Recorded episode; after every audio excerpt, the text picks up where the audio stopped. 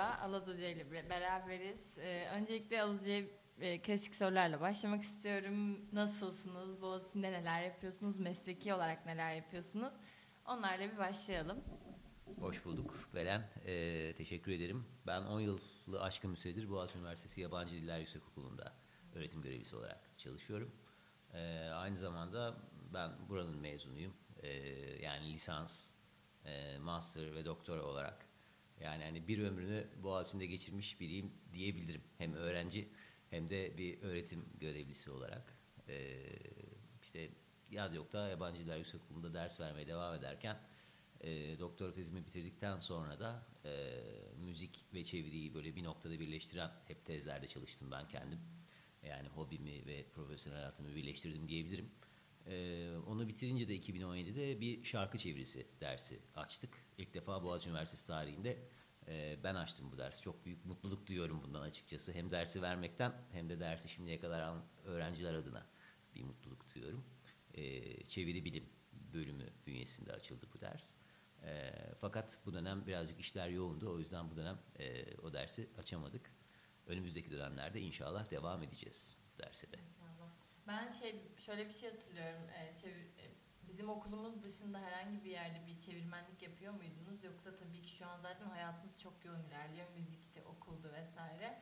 E, herhangi bir hukuk çevirmenliği vesaire öyle bir şey hatırlıyorum. Ee, evet bir dönem e, Zargan.com vardır sözlük. Ee, orası aynı zamanda da Bangoğlu Tercüme Bürosu olarak faaliyet gösteriyor. Hala da gösteriyor. Ben de okulda master yaptığım dönemlerde orada evet hukuk çevirisi de yaptım. Hatta öğrendim orada Orhan Bangoğlu vardı şirketin sahiplerinden. Kendisi de aynı zamanda yine çeviri bilim bölümünde de dersler veriyordu bir döneme kadar. Zannediyorum o da bu aralar yoğun pek vermeye devam edemiyor ama evet hukuk çevirisiyle ilgilendim. Bir edebiyat çevirisi kitabım var, bir politika ile ilgili Irak işgalinin perde arkası. Bunlar çok daha eski yıllarda yaptığım şeyler. Ee, ama şarkı çevirisi kendi kendime açıkçası ilgi duyduğum, öğrendiğim bir alan. Birazcık da e, şarkılar yazmamın, sözler yazmanın e, verdiği bir şekilde e, motivasyonla diyelim. Şarkı çevirisi diye bir alan kendi kendime oluşturdum. Yani hala da yapıyorum bunu. Evet, güzel gidiyor. Ben de takip ediyorum. Teşekkür yakından. ederim. Ee, bir de şunu sormak istiyorum. Zaten e, öğretmenlik, özellikle Boğaziçi'nin öğretmenlik yoğun ilerleyen bir program. Müziğinizi de siz e, ara vermeden olabildiğince sık periyotlarla devam ettiriyorsunuz. Bunun sizi yorduğu zaman aralıkları ya da e, böyle artık hani vaktim hiç yok, hani birisinden bir yerden feragat etsem mi diye düşündüğünüz durumlar oluyor mu? Bunları nasıl aşıyorsunuz? Onları merak ediyorum. Aslında e, bu şekilde mutluyum diyebilirim. Yani şikayet ettiğimi çok fazla kimse duymaz benim. E, böyle çok yoruldum, işte stüdyoda kaydım var ya da çok yoruldum, işte hay Allah yine ders vermeye gidiyorum Boğaziçi'ne falan filan diye. E, bunun birkaç sebebi var bence. Boğaziçi Üniversitesi zaten e, öğrenciyken de hep böyledir. Siz de böylesiniz. Bir yandan öğrencisiniz. Bir yandan burada geliyorsunuz, radyoculuk öğreniyorsunuz. E, bambaşka kulüpler var. Yani hobilerle e, profesyonel mesleklerin iç içe geçtiği bir ortam Boğaziçi Üniversitesi. Bu öğretim görevlisiyken de bu şekilde sürüyor. E, buna imkan tanıyan bir okulumuz var. O yüzden çok mutluyuz bence. Yani hani e, çok da şanslıyız. E, aynı zamanda da Boğaziçi Üniversitesi'ndeki öğrenci yapısı e, hiç yormayan bir yapı açıkçası. Biz bakmayın hoca olarak arada bir şikayet edip böyle sitem de etsek size sizlerden çok memnunuz. Ben başka okullara derslere gittiğimde ee, yani elitizm olarak görmesinler lütfen ama zaten şu da bizim radyomuz değil mi? Burada konuşabiliriz biz bize. Aile içindeyiz. Yani e, öğrenci farkını, öğrenci kalitesi, zekası farkını, sorulan soruları, tavrı bunları çok net, direkt görebiliyorsunuz. Geçenlerde e, bir iş için medikososyale gittim aile sağlığı merkezine. Orada Cansel Hanım diye bir hemşireyle tanıştım. Aynı şeyi o da gözlemlemiş başka okullarda. Öğrenciler ne kadar farklı buralarda dedi. Yani hani öyledir dedim. E, dolayısıyla öğrenci de bizi yormayan, motive eden bir öğrenci. Ee, aynı zamanda öğrencilerin e, ders dışında müziğime olan ilgisi de beni ayrıca motive ediyor. Bir de peki şeyi merak ediyorum. İlk defa ne zaman yazmaya başladınız ve bunu kayda almaya vesaire bu işi ciddiyete dökmeye ne zaman nasıl karar verdiniz çok merak ediyorum. Ya sanırım bir de e, dedenizi hatırlıyorum. O da aha, sizin gibi müzisyendi. Ondan da bahsedebiliriz. Evet, dedem Hasan Mutlucan. E, Dedem Hasan Mutlucan'la başlayayım önce. Ondan sonra da ilk yazdığım şarkılar farklı birkaç benim için dönüm noktası var. Onlardan bahsederim kendim ama e, Dedem Hasan Mutlucan e, çok önemli bir e, halk müziği sanatçısı ya da türkü söyleyiciydi. En basit bence tabiriyle bu. E, kendisi 1926 doğumluydu. E, İzmir'de dünyaya gelmiş. İşte onun anneannesi Girit'ten mübadele öncesi göçmüş falan filan böyle hani ailemizde bir e, Girit tarafı da var aslında. E, İzmir türkülerini çok seviyor Hasan dedem. İşte küçük yaşta İstanbul'a geliyor. Ondan sonra konservatuvara giriyor. Konservatuvarda bir şekilde Muhsin Ertuğrul ona e, tiyatroya çıkma şansı tanıyor. Ondan sonra da zaten halk müziği okumaya başlıyor. E, sonrasında dedemin çok şey bas bariton bir sesi var. Yani benim sesim dedeminkinin yanında cılız kalır öyle söyleyeyim size. E, en yaşlı zamanlarında bile o şekildeydi. E, bas bariton diye bir anda böyle diyorlar ki ona sana biz kahramanlık türküleri söyletelim. Onun üzerine söylediği bir kahramanlık türküsü dedemin böyle çok daha tabii şey oluyor. Cesaret verici işte orduyu ne bileyim ben gaza getirici falan filan bir edası var herhalde. Kıbrıs Barış Harekatı'nda dedemin sesini çok kullanıyorlar. Yine de şahlanıyor aman diye bir türkü yorumu kullanıyorlar. Ayten Altman'ın memleketimiyle birlikte Kıbrıs Barış Harekatı'nın iki bunlar ezgisi olarak böyle tarihe geçiyor. Sonrasında orada dedem böyle bir ün kazanınca 1980'de Kenan Evren tabii ki de kendisine sormadan darbeyi yapıyor işte sabahın köründe radyodan konuşmayı yapıp ondan sonra yine dedemin sesinden yine de şahlanıyor romanı çalıyor. Onun üzerine dedemin ünü iyice artıyor fakat iyi bir ün değil bu tabi. Yani hani Hasan Mutlucan bir türkücü olarak biliniyor ama bir yandan Hasan Mutlucan darbeyi tezgahlayanlardan biri olarak falan filan böyle bir geçiyor ki kesinlikle öyle bir şey yok tabii ki. E, zaten dedem ondan sonra yıllarca işte yok Nokta dergisiyle röportajlar, Cumhuriyet Gazetesi şu bu hep şey derdi. Kendi sesime uyandım o sabah. Kendi sesime uyanmaktan sıkıldım falan gibi böyle hani biraz da mizahi yorumlar yapardı. E, dedemin de en son stüdyo kaydı e, benim eski grubum Dalga ile kurucusu ve yine aynı zamanda söz yazarı ve solisti olduğum grubum Dalga ile 2011 yılında çıkardığımız Denizim Olsun diye bir albüm vardı. O albümde de bir e, dedemle düet yapalım istedik biz. Dedemin son zamanlarıydı. Son zamanların olduğunu bilmiyorduk ama tabii tahmin de ediyorduk. Ve dedem bizimle stüdyoya girdi. Dedi ki kahramanlık türküsü falan olmaz ama dedi ben. Hayatım kahramanlık türküleri yüzünden rezil oldu dedi. Ben dedi e, bir aşk türküsü bulacağım size. Ne söyleyelim? Konya kabağı işte. Kabağı da boynuma takarım aman e, diye böyle eğlenceli. Ondan sonra biz ona hafif böyle bir rockvari bir sound vermiştik hatta. Son stüdyo kaydında Hasan Mutlucan, dedem Hasan Mutlucan bizimle gerçekleştirdi. Bize de böyle güzel bir anısı kaldı. Ben tabii kendisinden çok e, feyiz aldım yani. Sabah kahvaltısında da işte böyle akşam yemeklerinde de sofralarda da işte içkili ortamlarda falan da hep dedem türkü söylerdi. Çok severdi türküleri yani sadece öyle program yapması gerekmiyordu. Bize de böyle gözlerimizin içine baka baka söyler falan. Ee, oradan tabii müziğe benim böyle ister istemez bir e, eğilimim oldu. Kardeşim de öyle keza. Ee, ben ilk bestelerimi zannediyorum yapmaya e, birkaç Nazım Hikmet şiiri üzerine denemeler yaptım kendim e, daha küçükken. Belki ortaokulda falandım herhalde o zamanlar. Ama o zaman böyle işte bir işte profesyonel müzik hayatım olsun. İşte albümler çıkartayım, konserlere çıkayım falan gibi dertlerim yoktu. Tamamen deniyordum kendi kendime birazcık böyle bir hobi olarak yani. Hani, e, belki kitap okumak, dizi seyretmek gibi düşünebilirsiniz bunu. E, ondan sonra işler ciddiye bindiğinde ben bu kendi kendime emeklemelerimi gerçekleştirmiştim zaten. Zannediyorum üniversitenin ilk yıllarındaydı. Hatta şu an bulunduğumuz odanın çok yakındaki müzik kulübünde ben de çok zaman geçiyordum o zamanlar. İşte rock korusunda gitaristlik yaptım o zamanlar orkestralıydı falan filan rock korusu birkaç yıl. E, o aralarda da biz böyle işte bir grup kuralım. E, o aralar böyle iyice böyle çünkü gruplar Türkçe sözlü müzik zirve yapmaya başlamıştı. Bizim gibi biz tek kişi değildik tabii. Çok kişi birdenbire ah, biz bu müziği yapmaya biz de yapalım. Bizim de bir grubumuz olsun falan. Onun üzerine de ilk yazdığım şarkı Ne O diye bir şarkıydı. Söz ilk defa herhalde yazdığım sözlerden, düzgün sözlerden biri olduğunu düşünüyorum en azından ama.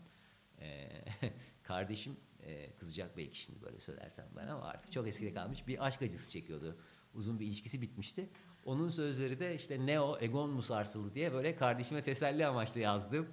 Hani işte bekle geçer falan filan ama arabesk olmayan birazcık da mizahi öyle bir sözdü ne o diye. Herhangi bir albüme geçmedi henüz ama belki izin verirse özel hikayesini paylaşmama belki bir ara onu da kaydederiz. İlk denemem oydu.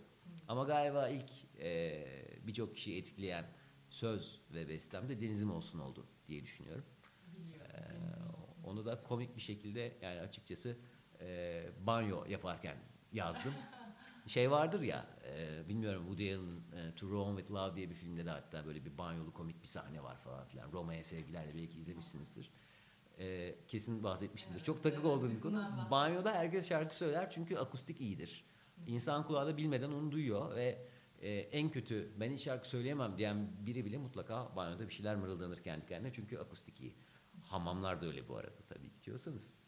E, orada ben yazdım Denizim Olsun'u bir şekilde. E, o zaman da ilk albümün herhalde arifesindeydik. Biz hiç öyle bir şarkı falan ortada yoktu. Başka bir şarkıyla çıkacaktık. Ondan sonra e, bir arkadaşımın tanıdığıymış. Ayşegül Aldinç'le tanıştık. Ayşegül Aldinç diye bir müzisyen vardı bir dönemler. Türk pop müziğinde epey ünlü bir isimdi. Belki sizin kuşaklara tam ulaşmamış olabilir. Onunla tanıştık, ona parçayı götürdük falan filan. Ondan sonra ve ondan sonra Ayşegül Aldinç şey dedi yani bu parça bana tam olarak göre ama çok güzel bir parça. Sonra biz de o parçayı almaya karar verdik repertuara.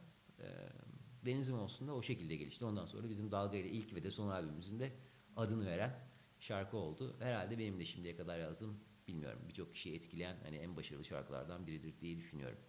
Onun da hikayesi bu şekilde. Güzelmiş.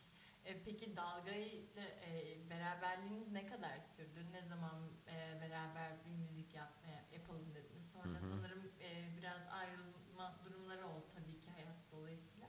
Onu da bir kısa merak ediyorum. Ee, şöyle dalgayla herhalde 2007-2008 gibi başlamış olma ihtimalimiz yüksek. O aralardır diye düşünüyorum. Ee, Boğaziçi'nde öğrenci miydiniz o zaman? Evet Boğaziçi Üniversitesi'nde master yapıyordum. Ee, o sıralarda. Kardeşim zaten davulcusu. Ondan sonra yine kardeşim gibi Ahmet isminde bir arkadaşım gitaristiydi. İlk üçümüz kurduk dalgayı. Ondan sonra da farklı arkadaşlar girdi çıktı ama son olarak bas gitara da yine kardeşim gibi sevgili Sade Osma geldi. Ee, bu şekilde oluşturduk. Ee, albüm çıktıktan sonra faal bir şekilde konserler verdik. Tabi basın falan da iyi gösterdi. Özellikle dedemden dolayı yani hani.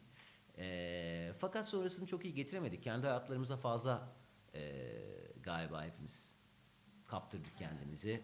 Benim master tezim vardı. Ondan sonra ben doktoraya başladım. Konserler seyredildi. İşte onlar da başka işlere girdiler. Herkesin kendi sonuçta e, hayatını kazanma derdi var. E, bir şekilde büyüsü kaçtı yani işin. E, ben de doktora tezimi bitirene kadar e, hani müzik hep içindeydi. Gitarımı hiçbir zaman elimden bırakmadım. Beste yapmaya da devam ettim. Fakat hani e, çok sık konser vermedik. E, en son konserlerden birinde zannediyorum e, Boğaziçi Jazz Korosu'yla sevgili Masis Aram'ın muhtemelen biliyorsunuzdur. Benim yazdığım bir besteyi e, onlar e, Boğaziçi Jazz Korosu bizimle birlikte seslendirdi. E, Sultanahmet'te Abu Defendi Konağı diye bir yerde çıktık.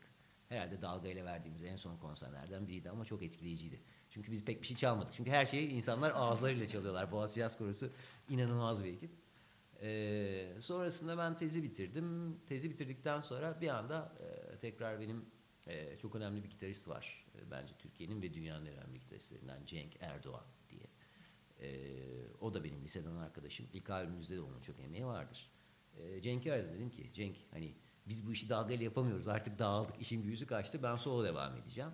Sana birkaç besteme getirsem getir abi dedi. İşte götürdüm o acaba e, ilk single'ım 14 Ocak 2019'da çıkan solo olarak.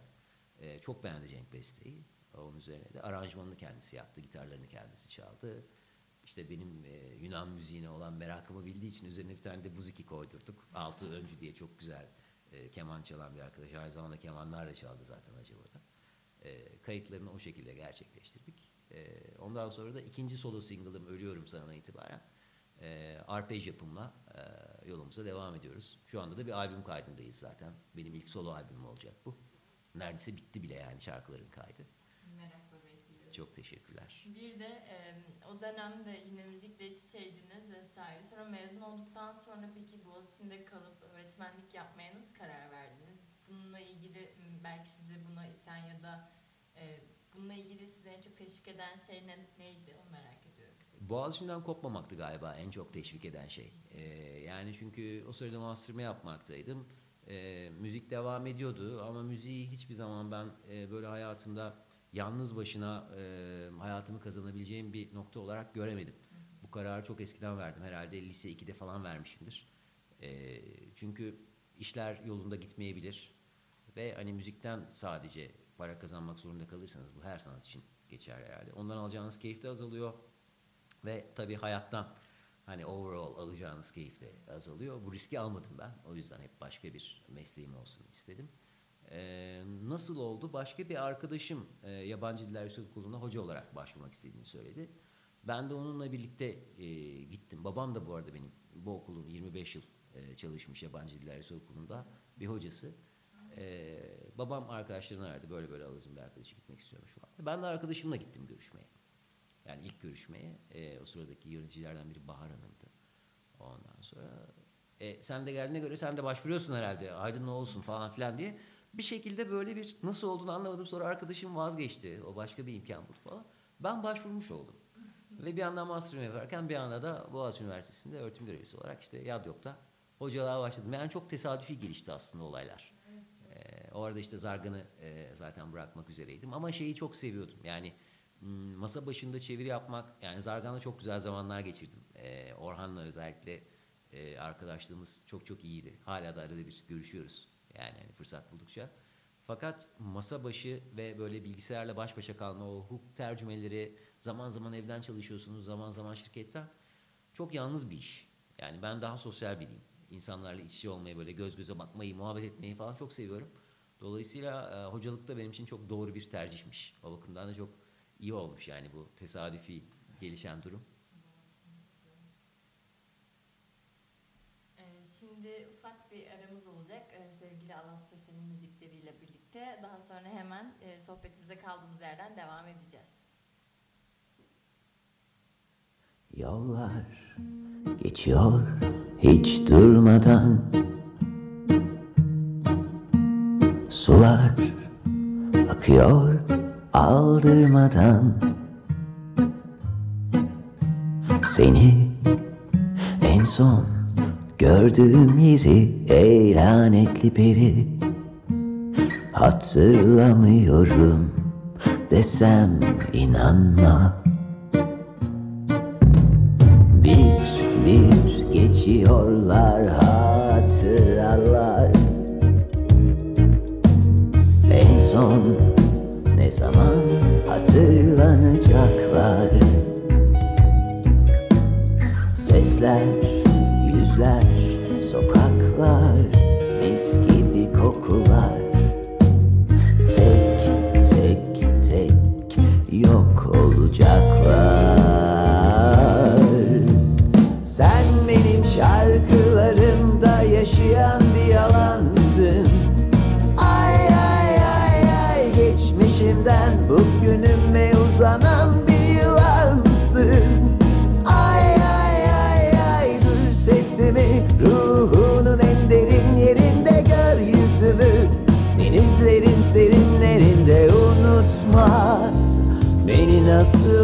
nasıl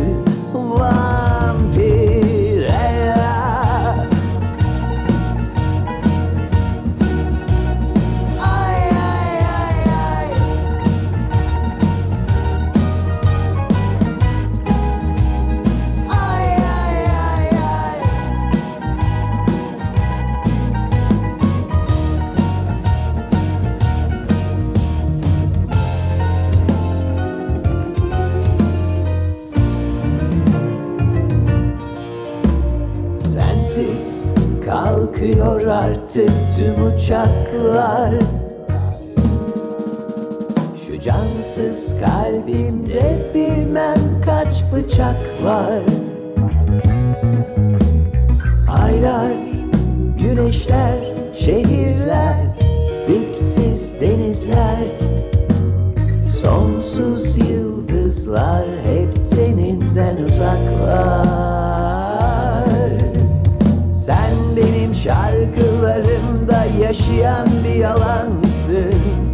Ay ay ay ay geçmişimden bugünüme uzanan bir yılansın Ay ay ay ay duy sesimi ruhunun en derin yerinde gör yüzümü Denizlerin serinlerinde. unutma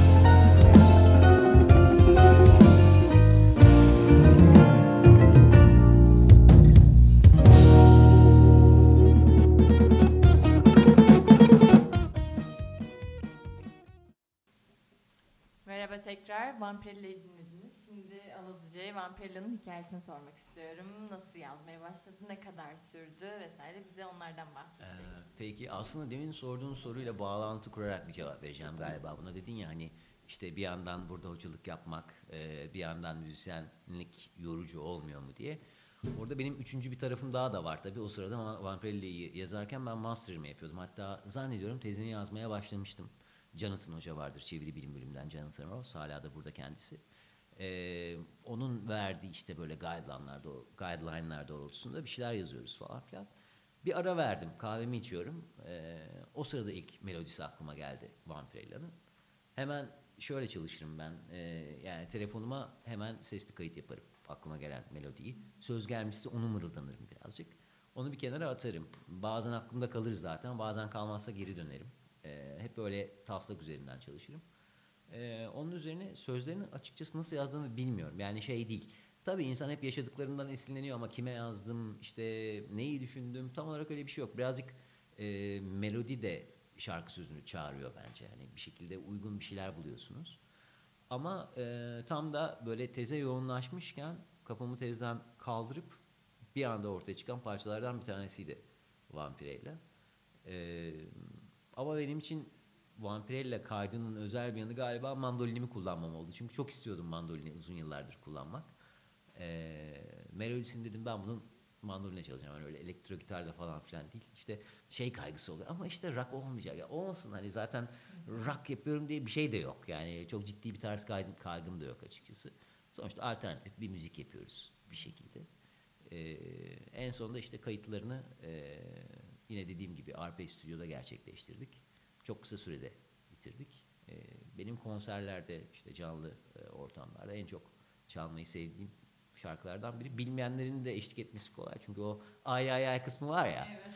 O herkese hemen kapan bir kısım. Ee, onu da açıkçası nasıl buldum inanın hiç hatırlamıyorum.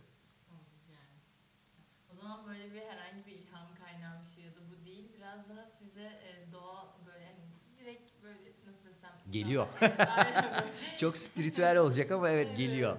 Ya gelmesi için tabii şey lazım hani çok e, siz de öylesinizdir herhalde. Çok sık müzik dinlemek birazcık böyle yorum yaparak analiz ederek dinlemek Evet. önemli diye düşünüyorum. Evet.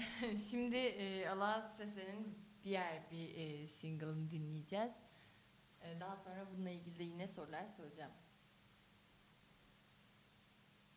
Sözlerin saplandı hayalime Yaramaz gözlerinin peşindeyim bilesin Tokat gibi çarptı ve deli bakışların Çılgın asi saçların Odayı tavırların Sen ben acaba Güzel olur muyuz?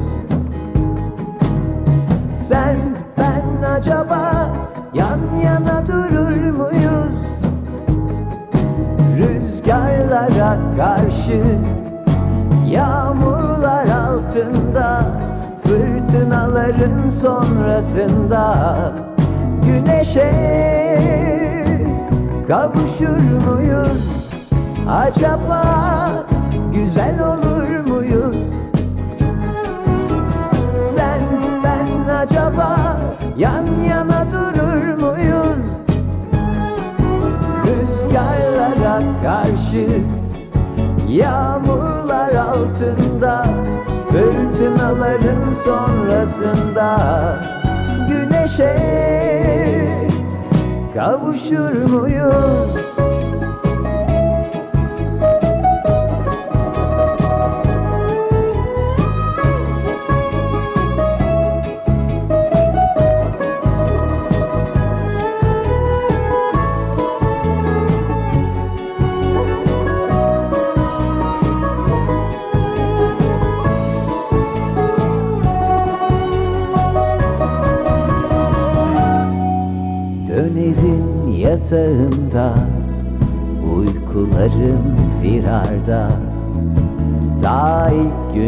Günden beri Sorarım kendime Merakta demedim bile Olur mu bu iş diye Sen ben acaba güzel olur muyuz? Sen ben acaba yan yana durur muyuz? Rüzgarlara karşı altında Fırtınaların sonrasında Güneşe kavuşur muyuz? Acaba güzel olur muyuz? Sen ben acaba yan yana durur muyuz? Rüzgarlara karşı Yağmurlar altında Fırtınaların sonrasında Güneşe kavuşur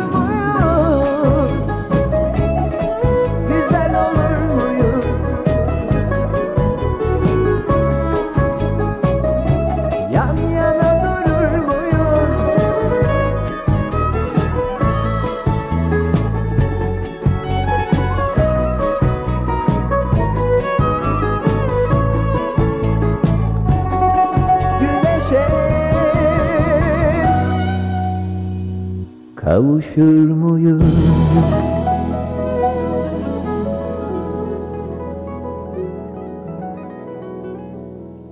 Tekrar merhaba. Acaba'yı dinlediniz. Şimdi sevgili Alas Pesen'e Acaba'nın e, sürecini soruyorum. E, nasıl yazmaya başladı? E, tam olarak ilham kaynağı belki varsa nedir? Bunları merak ediyoruz. Tamamdır. Acaba benim için çok özel bir şarkı çünkü e, yani 2010 yılında demin bahsettiğim sevgili Dalga grubumla çıkardığım ilk albümden sonra uzun bir ara verdim ve ondan sonra benim ilk profesyonel çalışmam oldu acaba işte ve solo olarak da ilk çalışmam Alas Pesen olarak oldu.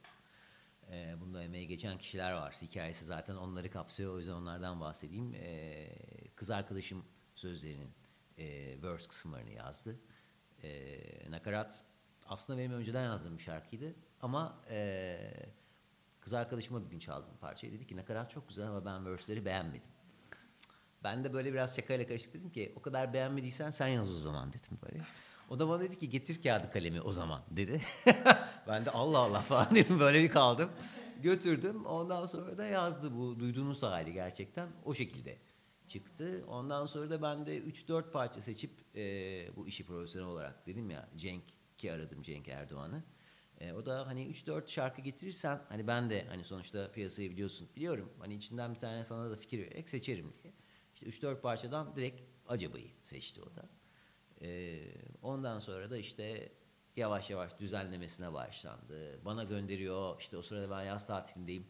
Böyle her şeyi bırakıyorum, kulaklığı takıyorum, dinliyorum onu, heyecanlanıyorum üstünde falan filan böyle. Bunları yaşıyoruz biz de tabii. Hani öyle bir şarkı çıkmadan falan. Ee, ondan sonra da çok sevildi. Ee, Arpej Müzik de çok e, şarkıyı beğenmiş. Ee, sağ olsunlar. Umut Kuzey, Özlem Özbakan. Ee, onlar da hani beğendiler. Bu şekilde ben Arpej Müziğe de bir adım atmış oldum. Dolayısıyla ondan sonraki kayıtları da onlarla beraber yapmaya başladık. Hala da devam ediyoruz zaten. O yüzden acaba ayrı bir özelliğe sahip. Bir nevi ilk yani. Bir de e, sizin e, şarkı çevirmenliği yaptığınızı biliyorum. Yani daha doğrusu kendi kendinize çok güzel bir tane hatta e, yaklaşık kaç yıl önceydi. Ee, 10 tabii 2020'de Evet. olduğumuza göre. E, şu an hatta YouTube'da görüyoruz yine yaklaşık 300 bin tıklanması var. Evet. E, onu mesela şu anda ya da başka bir üzerinde olduğunuz başka bir şarkı çevirmenliği var mı vesaire? Onu da merak ediyorum. Ee, ya aslında çok ilginç bir hikaye gelişti son bir aydır. Ee, yani şu anda e, içerdiği kişiler sebebiyle isimlerini vermeyeceğim burada ama hani çok çok büyük bir isim bana ulaştı. Ee, bu çevirimi görüp çok beğenmiş ve hani şu anda Türk piyasasında aklınıza gelebilecek en büyük birkaç ismi düşünün. Türk pop müziğinde. Onlardan biri bana ulaştı ee, ve şimdi benden kendisi için bir şarkı çevirisi yapmamı istiyor. Bir söz vermemi istiyor yani. Ee, kendisiyle görüşmelerimiz sürüyor. Yani şu anda ben buna açıkçası inanamadım ilk başta. Ar- Arayacak sizi falan filan dediklerinde ama açtım gerçekten de kendisi falan böyle. Mut- çok mutlu oldum tabii ve hani şarkı çevirisi aracılığıyla buna gitmiş olmak beni daha da çok mutlu etti. Çünkü aynı zamanda dediğim gibi ben burada şarkı çevirisi dersini ilk başlatan Boğaziçi Üniversitesi'ndeki kişiyim. Ee, dolayısıyla daha da bir heyecanlandırdı beni. Hem bir akademisyen hem de bir müzisyen olarak. Zaz'la ilgili de e, son çok kısa bir şey söyleyeyim. E, Zaz'dan biz telif alamadık. Yani albüme koymak istiyordum ben bu şarkıyı. Ondan sonra da şöyle bir yol izlemeye karar verdik. Sözler bana ait. Hukuken böyle Avrupa hukukunda da Türk hukukunda ama melodi Zaz'a ait. Bu arada bu Zaz'ın bence kişisel durumu değil, Universal müzikle ilgili bir şey olduğunu düşünüyorum bir şekilde. Gitmiyor ondan istediğim sesin. Ee, ben de bambaşka bir melodi yazdım. Kendi sözlerimi. Ee, o sözler şu anda başka bir melodiyle yüzde yüz benim bestem oldu hukuki olarak. Ee, ve albümde yani çıkarmak üzere olduğum, çıkarmak üzere demeyeyim de kayıtlarını bitirdim. Albüm biraz öncesine yetişir mi, sonrasına mı kalır ona net bir şey söylemeyeyim. Bu işler belli olmuyor ama o, o sözler yer alacak yani albümümde onu söyleyebilirim.